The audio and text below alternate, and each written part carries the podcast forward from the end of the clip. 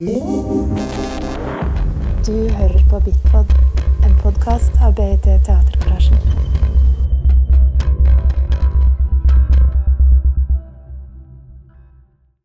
All right, we are about to start. Um, welcome back to uh, second day of Artist Force. And while we primarily uh, focused on historical and theoretical aspects of situationism uh, yesterday, we will today be focusing on contemporary practices. Um, the performing, performance and intervention that we were just part of uh, is entitled Q Machines. It's a work by YZAM, a scenography company based in uh, Norway, founded by Liam Alfasari, uh, who is sitting there. Um, the company's work crosses the disciplines of design, performance, and choreography. In collaboration with various partners, YZAM explores scenography as autonomy, spaces of debate, and uncontrollable situations. Q Machines is a project developed with performer Nina Thien Jensen, who's sitting there also, uh, and the performance of which will be realized at the Prague Quadrennial in 2019. And without further ado, a warm welcome back to Bergen to our uh, first speaker of the day, uh, Arnd Wesemann, uh, journalist and longtime editor-in-chief of leading dance magazine Tanz, as some of us have experienced during previous October dance festivals. Uh, Arnd is also an expert on performance, dance, and criticism, and has published extensively in a long list of publications. Arnd tells me that he studied the art of doubt and found out only later that situationism, situationism is nothing but another word for empowering the doubt as a profession called journalism. Welcome, Arnd. Thank you very much. Thank you so much. First of all, for the kind invitation. Thank you for thinking of me. And um, am I close enough to that? I would like to, not rather not to introduce myself, but introduce you to a dancer, uh, Yara Moses from Israel. Um, why I do that, um, she's showing a very good reason. Um, I would later talk about this, about the danger which is happening to arts if an artwork is not framed by an art context. Um, the frame I'd like to show you here is a dance film created by filmmaker Amit Sidis from the Tel Aviv based Mamash production group, just to make you a little bit wingier. Holding on memory. This is your fun. Holding on mine. This is your plan.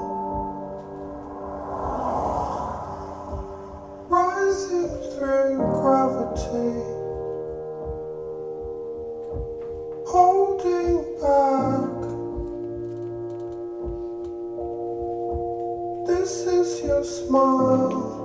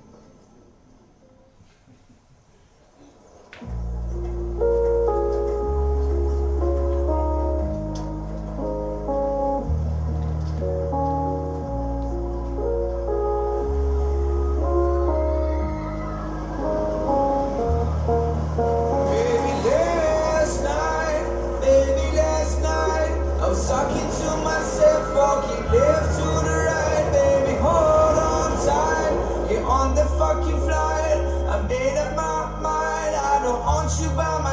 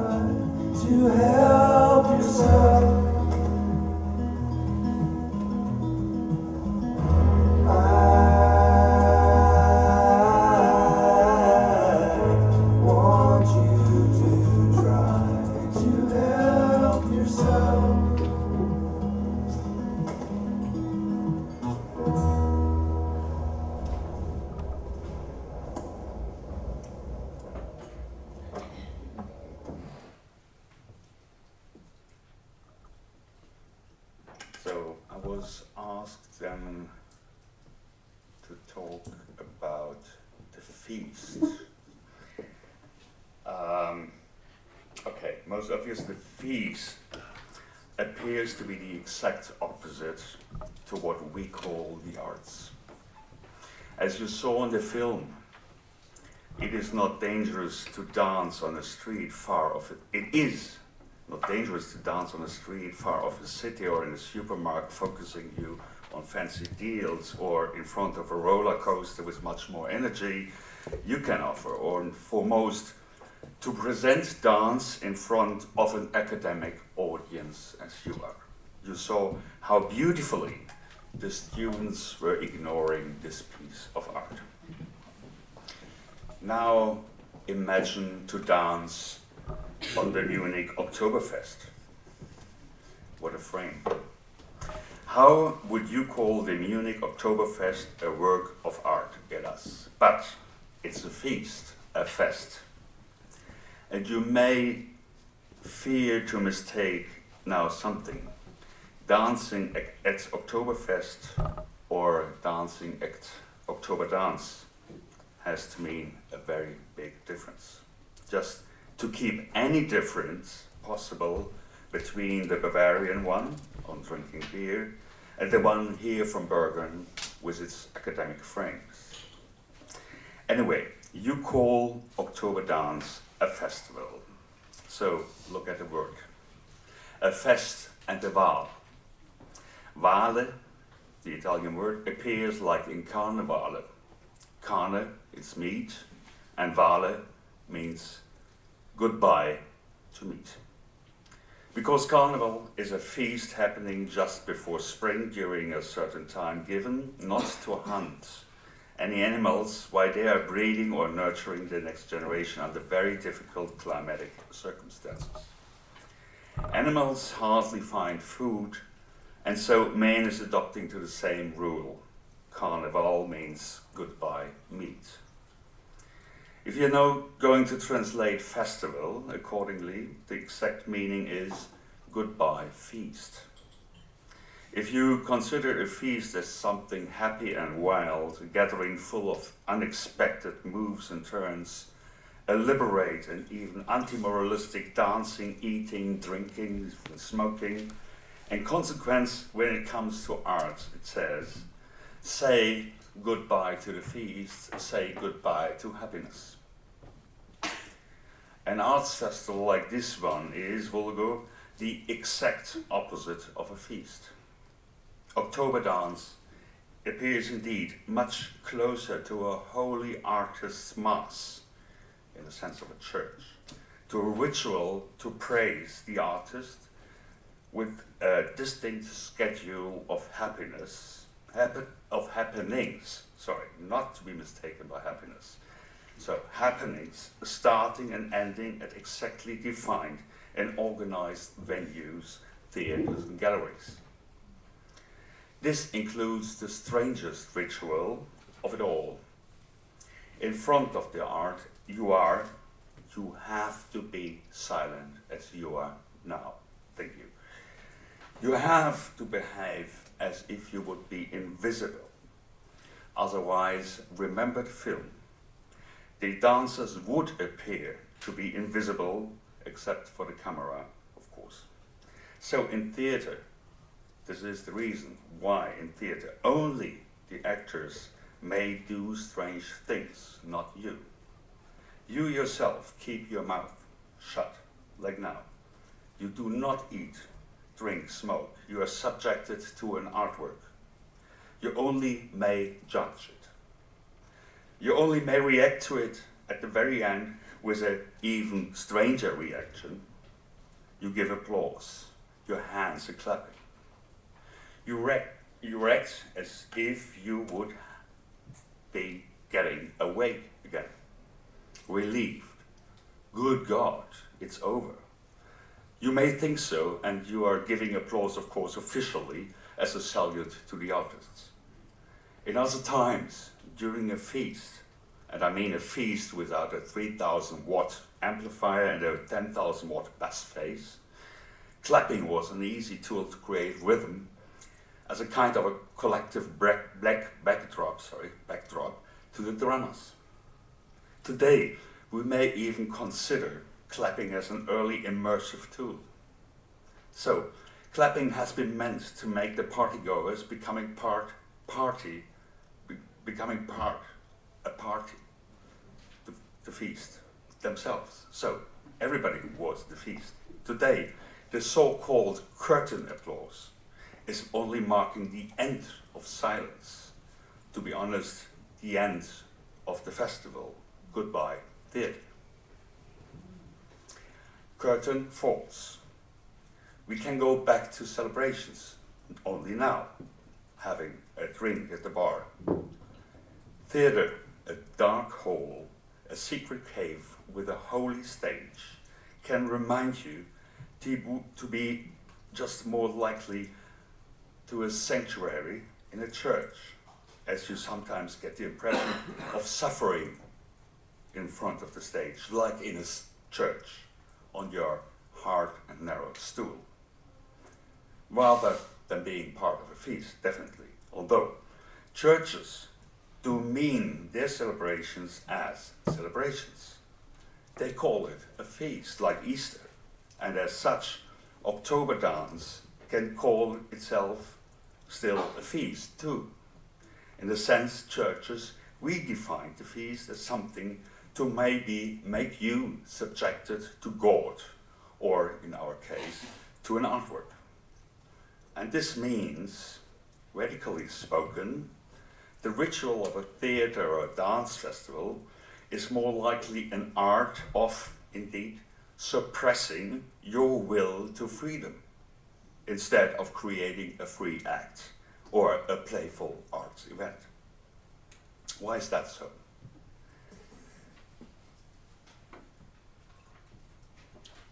If you look at what we call the current mainstream in dancing, the most recent successes in the dance world, one of the major tendencies, tendencies is a highly complex way using techno music.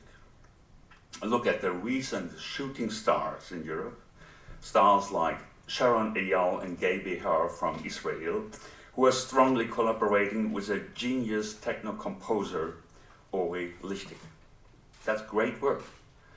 The bass line is grooving, the dancers are like machines, puppets, the choreography is working like an algorithm, stubborn, precise, full of ma- minor variations. Works by Sharon Eyal and Gai Behar and their LEV dance company then appear to be a variety, a revue, in the good old sense of the ornament of the crowd. A kind of post military, post industrial architecture of movement, even dedicated themselves to the digital revolution. Or Look at Richard Siegal, a master and a descendant of the popular school for William Forsythe. In Richard Siegal's work, Unitext, for example, at the Bavarian State Opera, audiences weren't shaken by the dancing only, but again by the close collaboration, this time with techno composer Carsten Nicolai, who is better known to many of you as Alva Noto, uh, an East German pioneer of electronic music, who won every great prize from the Golden Globe for Best Film Music to the Prix Ars Electronica. Both Richard Siegal and Sharon Eyal, among many others, set the rave on stage. They were translating their personal experience of feasting, meaning the clubbing, into artworks. Driven by the rhythm of a feast, contemporary feast, a rave, they are taking signifiers of a rave to the theaters. They use the elements of a highly contemporary party, but subjected to the rules of the theater again. You still have to be seated in your chair while others celebrate their turns and turntables. This is a use and a misuse of the good old idea of gathering to lose one's mind. These artists are exploiting the losses of what they have done to their party. The feast to this, my generation, consisted indeed on techno music. A feast that was founded through events like the Love Parade or early bass driven events in abandoned industrial sites or office buildings. To this generation, techno was what I would call a feast of the mute. German writer Rainald Goetz had big successes with his novel Rave in 1998, a drug and music story of a lonesome, of a lonesome Walkman generation at the bottom of the forthcoming age of so-called immaterialism, a word invented by the French philosopher Jean-Francois Lyotard. It was this generation starting to invest less in cars or homes but in boundless digital infrastructures like mobile phones, while believing at the same time in a boundless Europe. And techno was indeed the sound to it. The youngsters of those times are now in charge of being curators for Sharon Eyal, for Richard Siegal, for a raving generation with its Berlin Berghain Club Adolescence, its Berlin Kit Kat Club, ambitions toward liberalized sexuality and a multicultural belief in the one world fun park as it is offered today by EasyJet or Norwegian Airlines. As this happened right before the f- Facebook industry of the howling wolves came up, filling its pages with any sorts of concern towards ecological disasters, plastic garbage, climate change, sexual harassment, or fear of terror. A whole industry backslashed to political correctness, the feast of the mute, aka the techno and chill out generation, staggered into the madman's fear towards any pollutive festivity. No to cigarettes, no to plastic cups, no to riots. Concerts in Brussels today just as one contemporary example, are opening doors precisely 7 p.m. No bags allowed, no mobile phones. The first band's gig is 50 minutes to the point. The main gig is one hour. No encores, no dancing, no drinks. 10 p.m. is meant to kick everybody out of the concert hall. Brussels music world is the cleanest in the world. Compare that to the former rock concerts, celebrated like a feast. Think of the Burning Man festival in the deserts of Nevada. It all turned into a well prepared theater show, adapting all rules of a civilized grave for the living dead. Very well organized for disabled persons as well as to the deaf. You will be mute. You clap your hands. Leave the space don't disturb the neighbors. Search a non smoking bar. Go to bed. Art is, in one word, controlling the rules of what we call culture. Art has been the forefront of respecting the art as a whole again, but not as an interruption of life.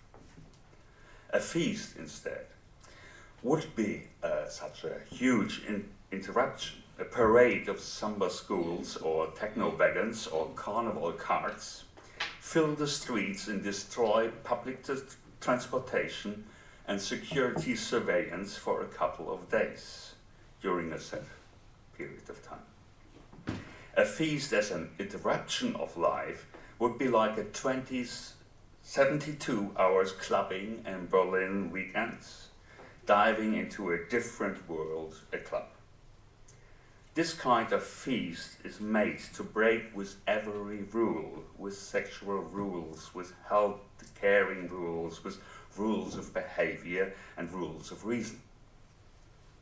But looking back to October Dance, you saw it all, too, in a zero way, on a stage protected like the stage protects the art, like a quarantine box.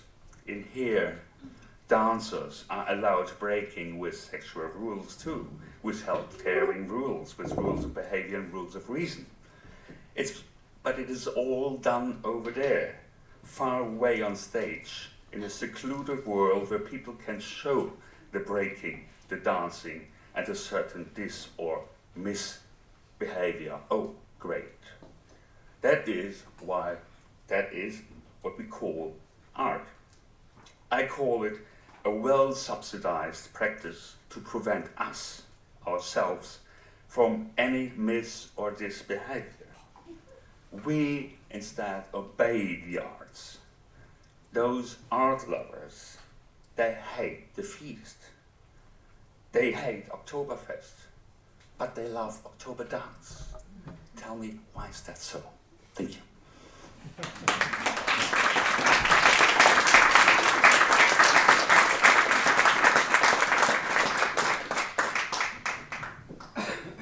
Thank you, and please uh, stay there because I'm sure we have some uh, comments. Uh, as a member of the rave generation and former clubber, that I find it interesting that uh, my generation now is uh, responsible for maybe subduing that uh, impulse to dance. Um, any comments and questions from the audience? Yes, Knut Ove, and then Yeah, uh, thank you, Anne, for a, a brilliant uh, lecture. It was very nice and very well articulated, rhetorically masterly. Um, uh, do you lit- do you hear me? yes. Yeah, yeah, yeah, yeah. So uh, my comment is, uh, first of all, I think uh, I know that you were not here yesterday, so you can hear my lecture. Oh, yeah, but so, maybe you but, but to it fits into my lecture in the sense that I presented the, the scheme of Oskar Schlemmer with the, the folk uh, uh, art and the ritual on the two sides, like top and bottom. And this tension that you uh, display is in between, and it says in Oskar Schlemmer's scheme, theater, theater, uh, and dance. And then he shows how these are interrelated with different inspirations from ceremonies and carnival and so on, and cabaret not the least. So when you uh, also uh, speak about this, uh, the two opposite sides of the, the, the, the and the October dance, and uh, then it uh, reminds me also of, uh, of uh, the question of the disciplination of the audience Mm. which took place in the 19th century late.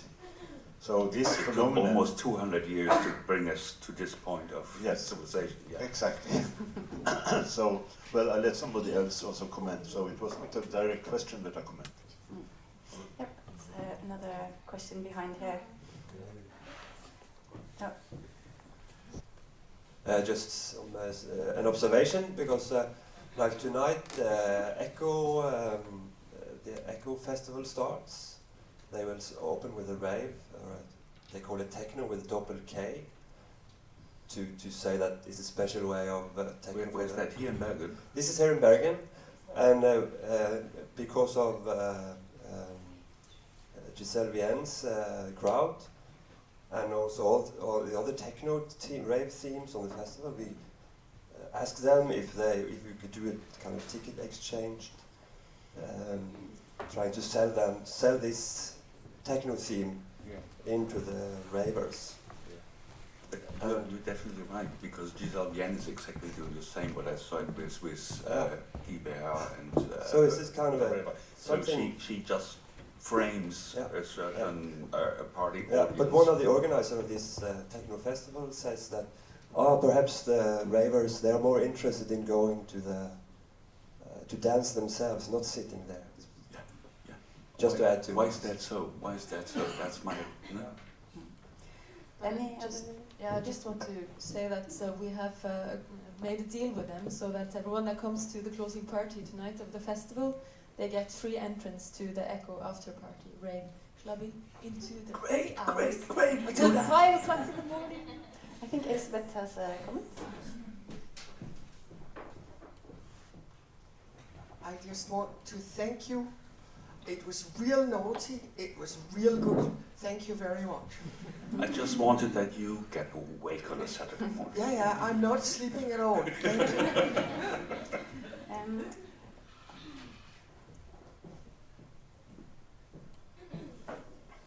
Thanks. I was just wondering if you uh, could say something about this, because I have the feeling that's more a rhetorical opposition which you are uh, building up here. Because, I mean, people can, of course, enjoy the theater and the rave. Um, and I would say to enjoy a rave, don't you need the contrast of the theater to, to really appreciate what you can um, experience in the rave if it would only be the feast? Um, what it would be boring, wouldn't it? Yeah, that's, but, it's really interesting because um, Helena and me, uh, Helena is the next one uh, here to behind, but Helena and me, we went to a demonstration in Berlin against these AFD guys. And so there were two demonstrations announced, one by the artists and one by the clubbers.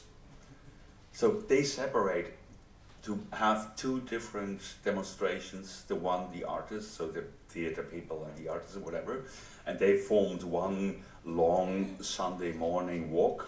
And the clubbers were somewhere else, so we thought, uh, okay, let's go with the clubbers. And those clubbers, they resembled their carts and, and protest things all around these techno, ambient, whatever, uh, super micros, uh, um, speakers. And uh, so there was just only one thing, and they suddenly started all like this. So, like the zombies, they were really like from rubber. There was no discourse between them. While with the artists, we walked around and were thinking who was stealing our flag. So, the why is the right wing stealing our flag? So, a kind of intellectual debate. With the ravers, you couldn't talk, they were just raving. And that's, that's kind of interesting why this is not really coming together in, in practice. Yes, Lisa. I was just sitting thinking about the uh, the contemporary feast or festival uh, and uh, the separation that, hap- that happened between the sacred and profane aspect of the festival. And I mean, it's fun to fucking dance and drink and everything, but there is also like a loss of the collection, uh, collective production of meaning. Yeah. That means that I don't view like clubbing 72 hours in Berghain as especially radical Yeah. or uh, important even. Uh, it's fun, you know, but uh, there's something being lost there, that and that can also, you know, Right. that's also yeah. And I think think this is this is honestly this is something where, where we what we can really use this conference for. So the comment of Knut Over was exactly going to that direction. So there's a historical line of you know this kind of separation which always makes place for the wrong people. And uh, how can we get a little bit back to a kind of um, not a happy culture, but of a kind of um, more rebellious way of uh, seeing art and enjoying art. But, but it's interesting because uh, even the even the carnival has its kind of limits. After uh, a set amount of time, everything goes back to normal. Yeah. So, um, uh, but the performance is of course a very short, uh, and I, I think I mean I uh, it's quite obvious that it's kind of hygiene hygienic, uh, like uh, very you know strict regulations and and uh, kind of the whole institutional field is very clean, like you said in your Yeah, but comment if it about is Brussels. feel, if it is clean, we need some more waste. Mm. But I mean, uh, in addition to, to the kind of raving uh, or the clubbing uh, dance performances uh, using only kind of the music, uh, you have another tendency in performing arts, and that's kind of the participatory uh, dance and theatre works where the audience are invited in, uh, but often also very controlled. So um, The, the opening was just like that. Mm. So it was, you know, mm, I felt a little bit like queuing up in an airport, Mm. and then. Uh, so for, to me, it was not an interruption at that moment, but it could become one if you got more and more crazy. mm, mm. But maybe it's a comment on. Uh, but I think there is some. Well, there was a question back there, and then there. I think was there a question at the back. A comment. A comment, yeah, and then it's uh, Mikkel at the other side. Uh, yes, I thought about this uh, a lot. How, uh, how, why it's so separated, and how we can um, deal with it. Uh, I think the first uh, issue is that the venues are very um, commercialized. So the venues have these rows that uh, limit the movement of uh, people a lot. Like uh, you need to sit still and uh, you can't leave or talk or move or move with the, the piece of art. Um, which I think, and uh, and it's got a limited space that you have when you're in a uh, dance venue watching art. So I think this is the institution responsibility to create venues that can leave some more space for people, not for uh, uh, like a p- predictory ticket sale uh, system. You know what I mean? Um, so this is uh, what I thought about uh, a lot because you see when you see people watching professionally watching dance, Mm. they know that if they move, they will feel a lot happier watching it, Mm. less bored. Uh, but uh, in general, audiences don't move at all watching dance. Audiences move when they watch concerts. Mhm. And this is uh, the venue itself. I think is maybe uh, something that is interesting to work on, because I'm pretty sure that the artist is not where it stops.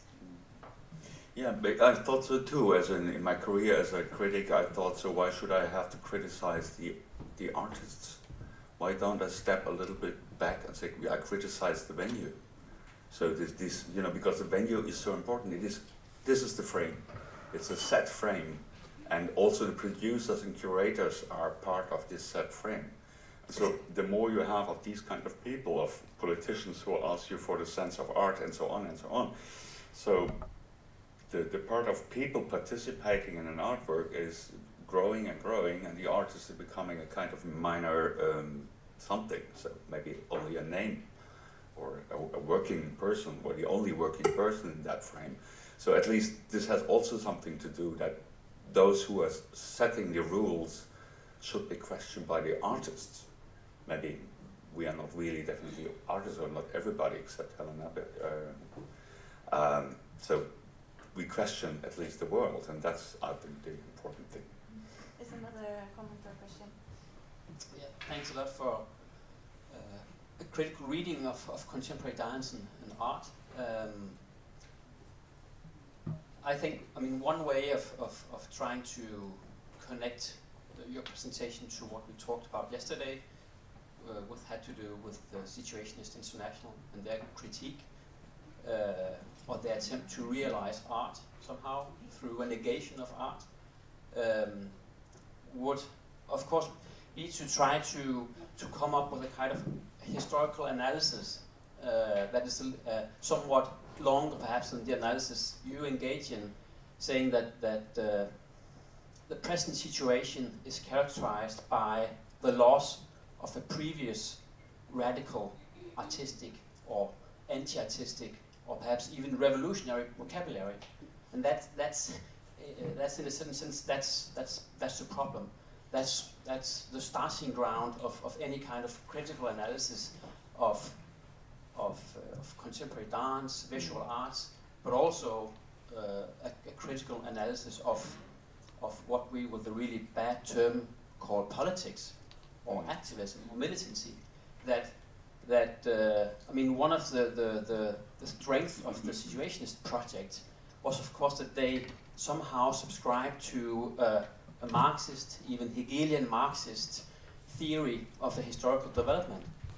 Uh, but that's, but it's, it's, it, uh, for good reasons, that particular kind of revolutionary position um, I mean, during the 60s and, and 70s and, and, and 80s, um, became an object of, of critique. Uh, and somehow it's very, very difficult to, to revive that position. But, but uh, I, would, I would even think it's impossible and it's not needed. no, So- but I, so- but, but, because but- at least just to imagine me belonging now to a young, younger generation, you, you can't believe that. But just imagine that that I'm now, uh, let's say, 15. So, according to you, at first I have to be a Marxist and then I have to uh, find rage. No, it's just the opposite round. You are first full of rage for whatever thing, and even if it's plastic trash, and Of then you course you try to find exactly the positions Yeah. you are describing. So why is that so? Yeah. No, but and, and but that's that's that's the problem. I mean, not just the problem that has to do with art, but but look at the the recent protest wave, the square occupation movements in, in southern Europe, or Occupy or Nuit debout. Mm. The problem is, of course, it's a it's a historical problem, insofar as it's. I mean, the, the positive reading would, of course, be that that these uh, protests are attempts to critique a fucked up, not just neoliberal, but but capitalist world.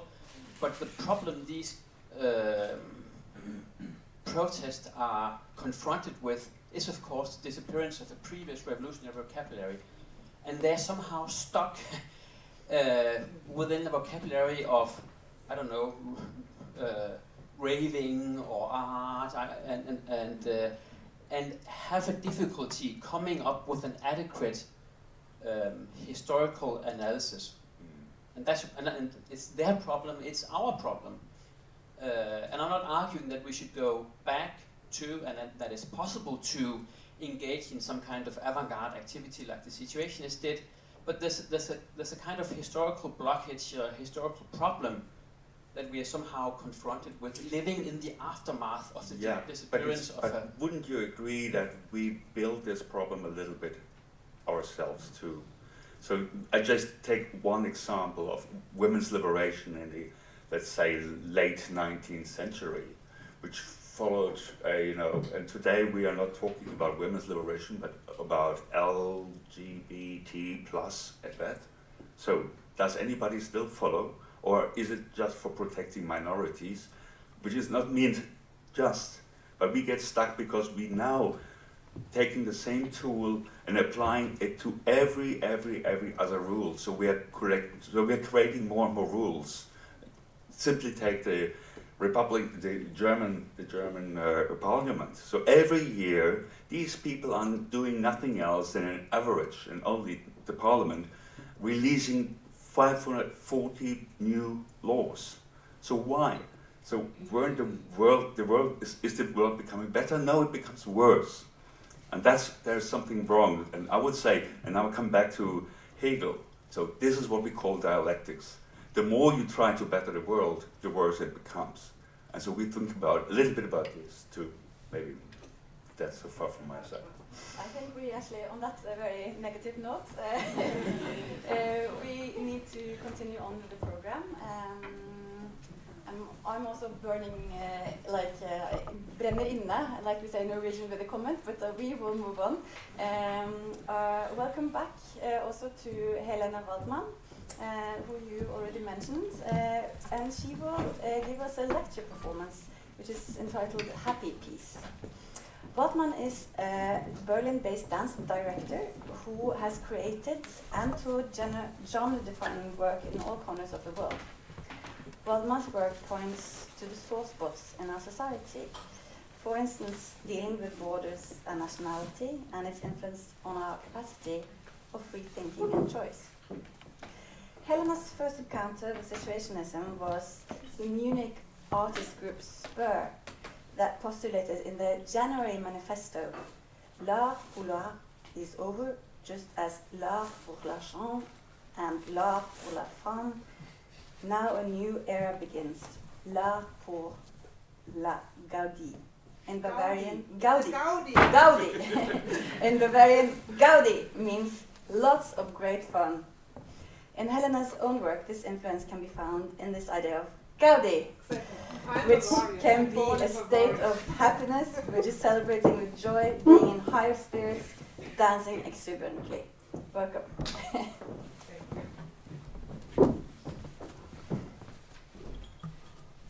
so, dear Helen, please, lights down.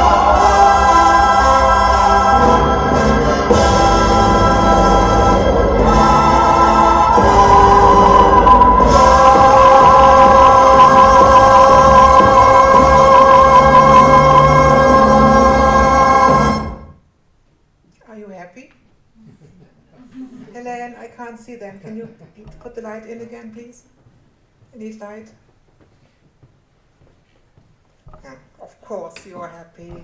Exclamation mark, because you have just witnessed a moment of happiness. And those moments are rare, as you know, and therefore precious. You have just listened to one of the most powerful moments in classical music. You have listened to a symbol of bombastic affirmation. You have experienced force, clarity, and purity. You have listened to the five tone sunrise fanfare of Also sprach Zarathustra. Thus spake Zarathustra by Richard Strauss. That's already more than one minute of happiness. How wonderful! Can you turn the light down again? Let's go on.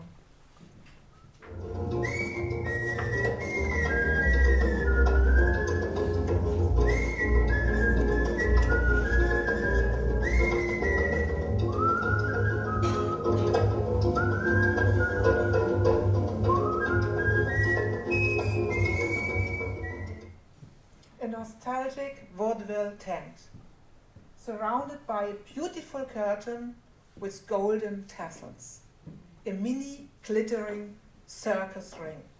How wonderful! Soloists in top form. Till here, André Suarez and Toby Treger, later joined by Moo Kim. All three of them good looking men, dressed in well cut suits, smiling while gliding and swinging through their dance numbers. Wonderful. Happiness as a maximum of pleasure, or, and end, happiness as an obligation.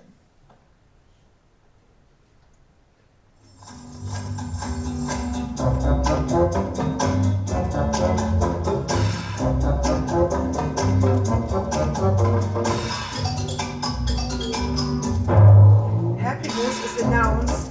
in 10 minutes.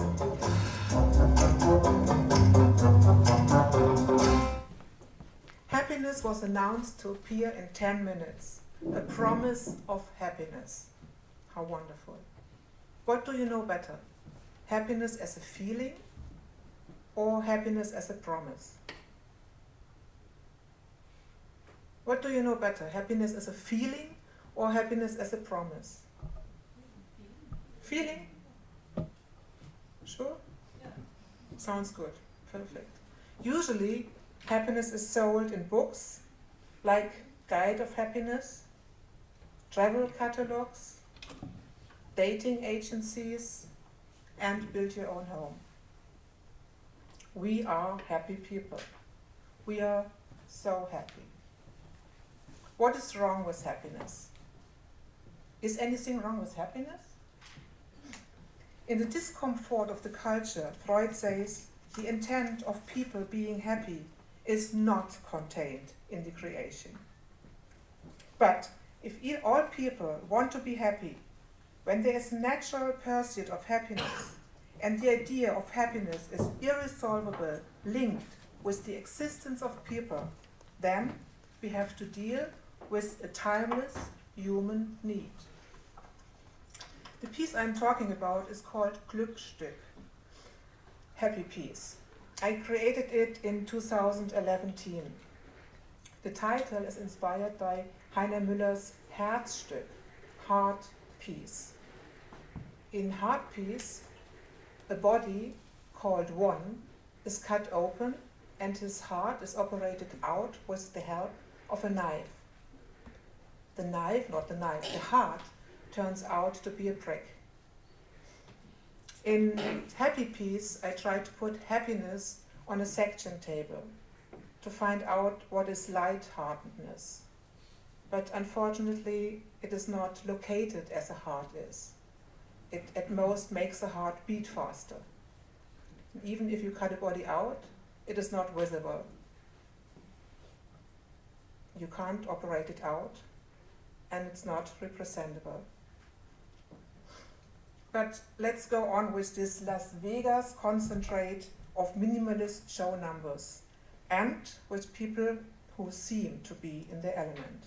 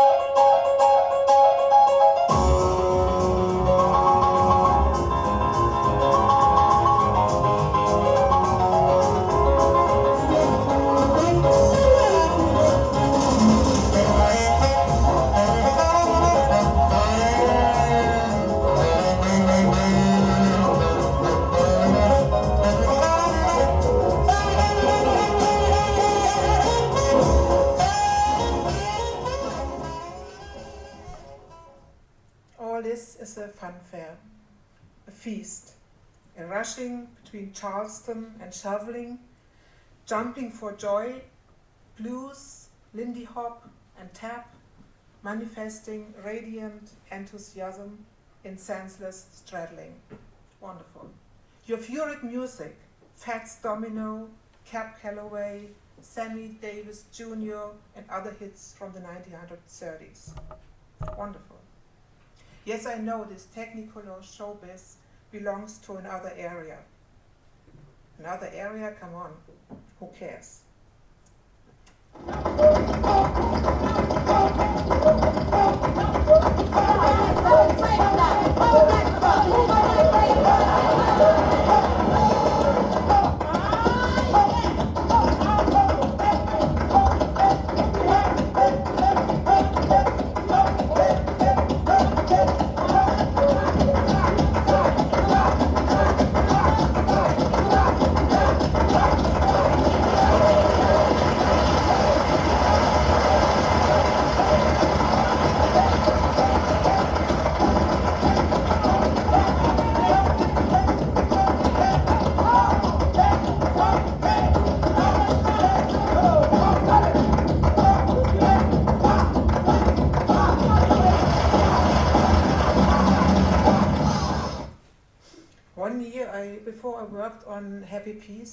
My father died.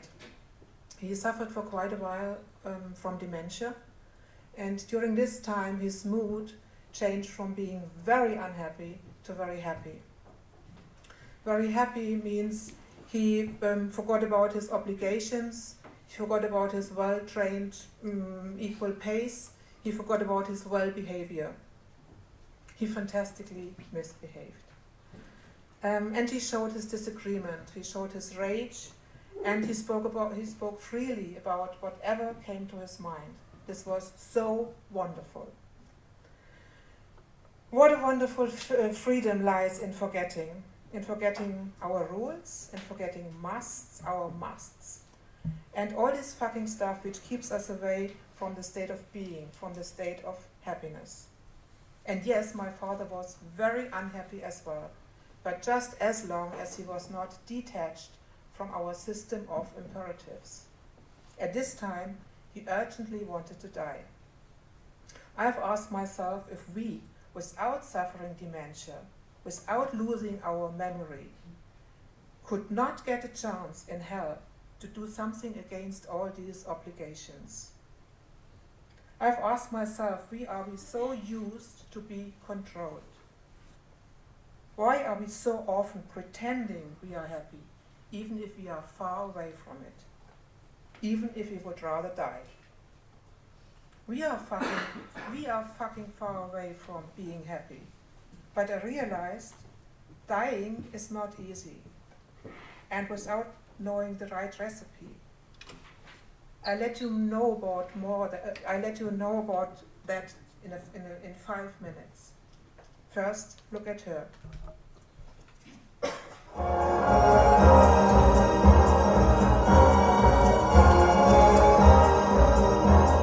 Befitting her rank, Britt Rodemund strides down a beautiful show stair, and her furious tap number and fascinating rhythm makes you definitely reach the wonderful momentum of light-heartedness.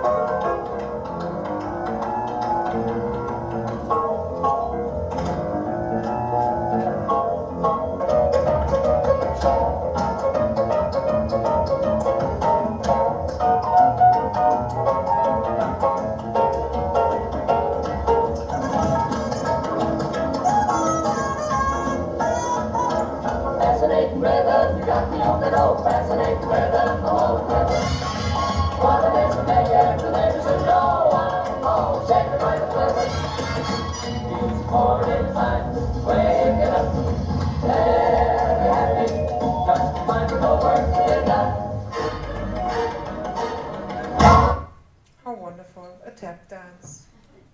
Performed on George Gershwin's popular song Fascinating Rhythm, written in 1924. First introduced in the Broadway musical Lady Be Good. Lady Be Good. Um, why am I using all these oldies in Glückstück? I thought for a real Glückstück, I have to have a real orchestra, a real big band on stage.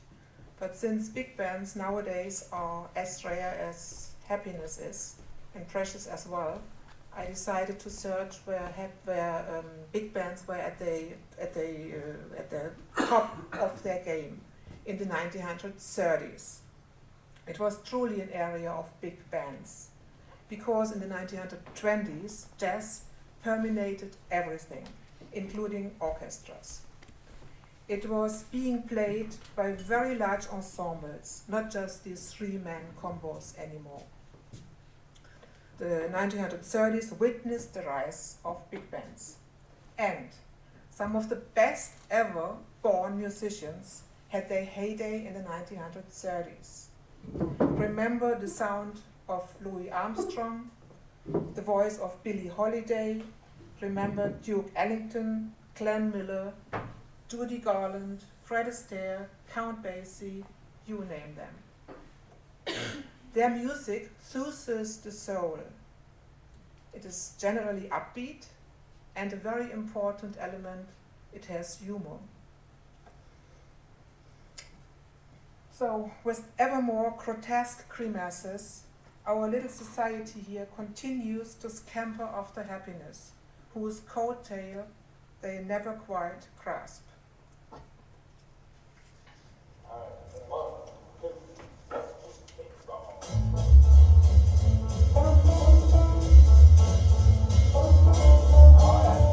That is announced to occur in 10 minutes.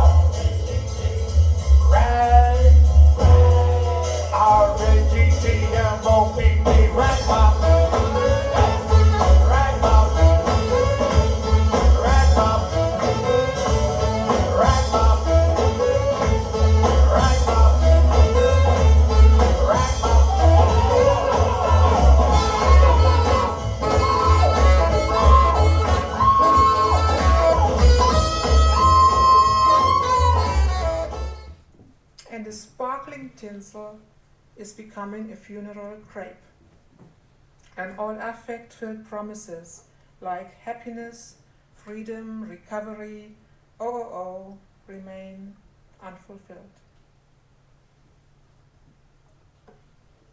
Instruction for dying. Take a remedy against nausea.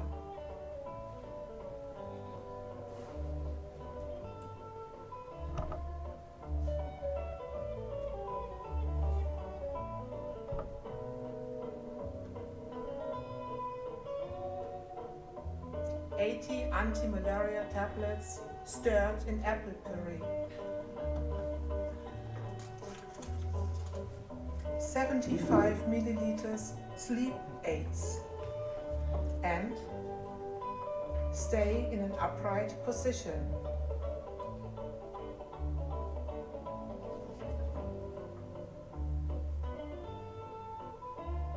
Beautiful enough to die for.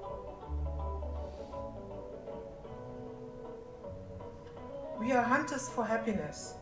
This means with every hunt, we need a victim.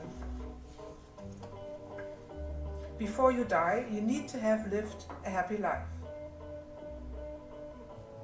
Are you all living happy lives? Hands up.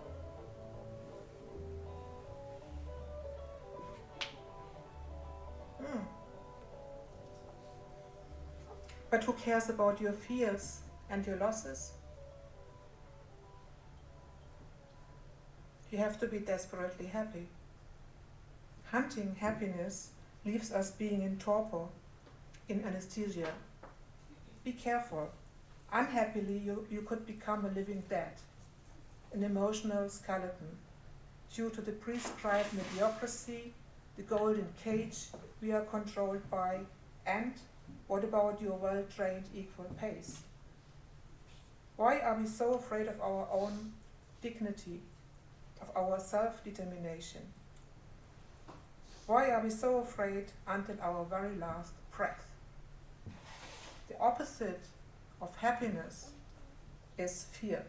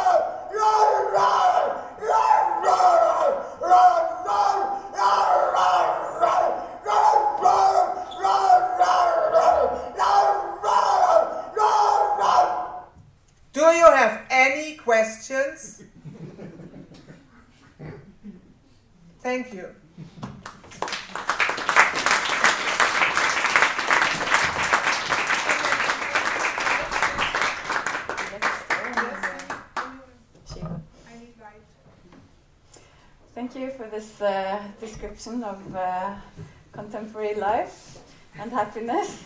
Um, lunch is announced to occur in 10 minutes uh, or 20 minutes, but before You that, but, but before that, we have some time for questions and comments. So, Don't Anyone? dare to ask questions. are you hungry? no, it's fine. Mm. Anyone? Yes. The microphone is coming. Yeah, thank you. Danke schön. Danke, dear Helena. Thank you very much for the extremely well presented uh, performance lecture uh, showing your own work, das Glückstück, and referring to Heiner Müller's Herzstück, which is very touching. Uh, so, uh, what I would comment uh, would be that you show exactly the, the, the influence from, from variété uh, in, in present time works with like uh, the, the, like I also spoke about it in the variety as a contributor to the to the uh, uh, art uh, today, taking these influences from from what you spoke about uh, folk art or popular art. So well, maybe I could formulate on the basis of this a question on popular art. Uh, uh, would you uh, regard your work as popular art or as art? a rhetorical question.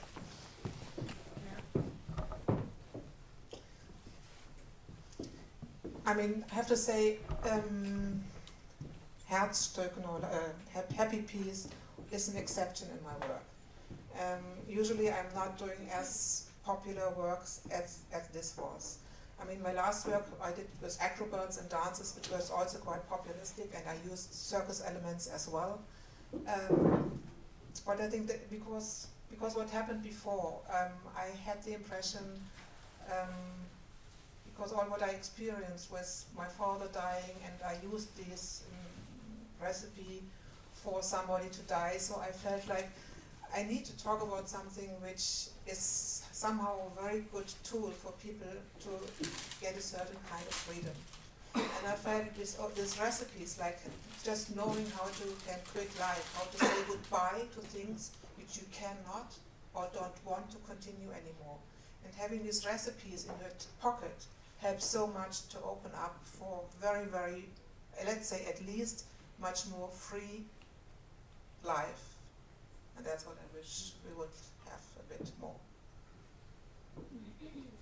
And, Uh, and, and using these elements, like this, using the circus, the grotesque, the tap, um, this, the, all these elements which I mentioned, um, using these highly entertaining elements for to speak about for something to speak about which is quite sad I have to say um, and I think this both sides to combine these both sides for in this work was very interesting for me to do.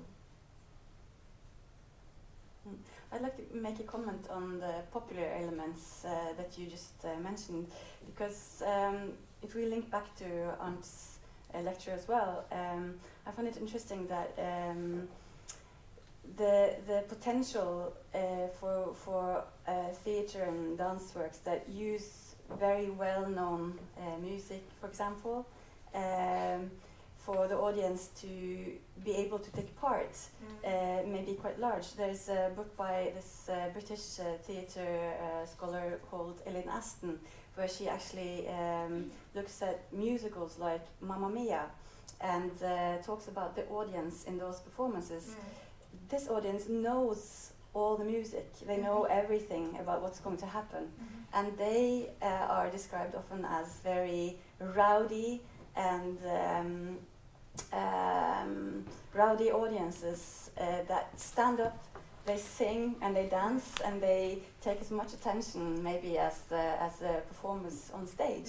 Um, and uh, compared to this very controlled uh, art setting, uh, it's interesting to think of also these uh, places, uh, these very commercial uh, cultural venues, as uh, potentials for different type of like cultural um, interaction with the audience. Um, and I think it's often we, when we talk about the avant-garde, we can be a bit nostalgic and forget that uh, often it was quite small um, communities, uh, quite local as well. Of course, there was uh, a lot of people traveling, uh, but today everything is global. And then we, if we expect artists to kind of uh, then work very radically on a global scale, maybe it's a bit too much to expect from artists. Uh, for example, in Oslo, I know that there are uh, some dancers that have this uh, concept called breakfast clubbing, where everyone can come, not only uh, dancers. But of course, it's quite local. Uh, it's in Oslo. You have to be there yourself, and it's not necessarily. So of course, of course, you can see that it could be a part of a festival, for example, as a concept. But it's uh, it's not something that you know normally would be like a part of this big you know art circuit uh, because it's local. Um, and I'm sure there are similar concepts everywhere, but it's um, it's a social thing uh, in a way. Um, yeah, and I think that's kind of uh, like the popular coming in, but it's maybe not this uh, big commercial hit, but it could also be. Yeah. Yes, and I would just want to add something uh, to, just to connect to the Scandinavian Situationist movement, which exactly was about finding these kind of strategies, like we also saw in the work of uh, Group 66 uh, yesterday. It's, uh, so it's very coinciding. So just a remark to, to bring the, the, the, the, the, the situationism uh, as, as the Scandinavian situation part of it, as, as also related to your work. Uh, well, that's a big, bigger scope that is uh, more of a theoretical kind, but that's also one of, of the business of the conference. I think we have a question uh, from this table, uh, or Um, the communication got lost in the beep. Yeah. but uh, now we have the artists with us uh, from uh, from this morning, so uh, uh, we can also open up for questions and comments uh, to them because it was announced in the program, but uh, we skipped it earlier. So they are here now. If you want to ask any questions um, about yeah their Thank work. you. Mm. Yeah, then I, I, I would like to comment on that first. Yes, of, of course, uh, that was an act of psychogeography, as we also spoke about yesterday. Psychogeography and uh, the flaneur and walking uh, through the building, uh, being directed somewhere which we didn't know where it would end. Uh, so, well, I mean, uh, doing artwork should not always be a question of having to legitimize it theoretically. I am very well aware of that, and that's not my point. But, but since we try to connect this, uh, this and also to artistic research as such, I think there are several people here who are in artistic research also, which has been established uh, in the Norwegian uh, uh, Art Academy situation also in Oslo and Bergen. So. Uh, so my question is to them: Did you, did you, what kind of relationship did you have to a quest, a con, a, a, to a concept like psychogeography, or did you know about it as a kind of background for doing that kind of project? I don't know. I mean, many times artists do things that are uh, can be similar to other artists, and so there's a kind of heritage going on, but but the theoretical framing of it can be necessary also in artistic research, if you opinion.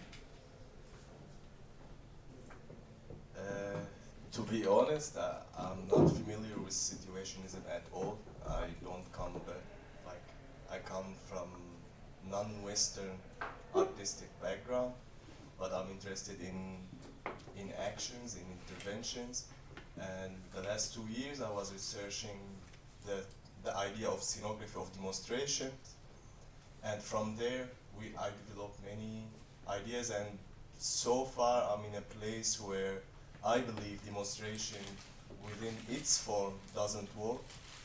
So it's mostly working with something rather called demonstration, and the difference between demonstration and demonstration that with demonstration you have a truth, you are conveying a message, while in demonstration it's so much into just disapproval on something.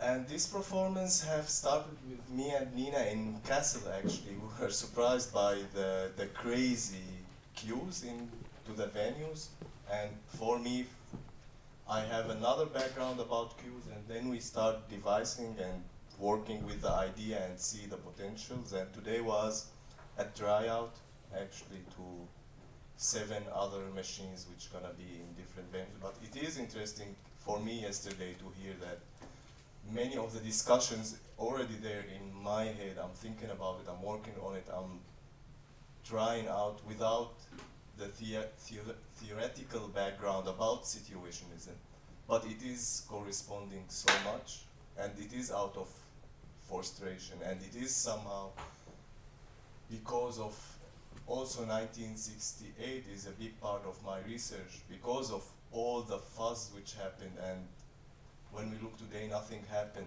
in reality. So, yeah, for sure, there is this correspond, but as you said, without necessarily concrete knowledge about situationism. Yeah. Thank you. There is still some time left. Uh, so if there's any other comments, it can also be something from yesterday because the speakers from yesterday are also here. Uh, so you know, feel free to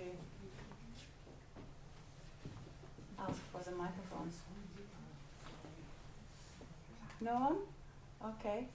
Is there a minute? No? Okay, then maybe uh, should we go to lunch early and then we can start 10 minutes before? Uh, uh, no, we can just take an, a longer break and we have some time to talk together uh, during lunch. Uh, okay, thank you to the speakers and, um, and the artists, and uh, see you in an hour and yeah, eight minutes.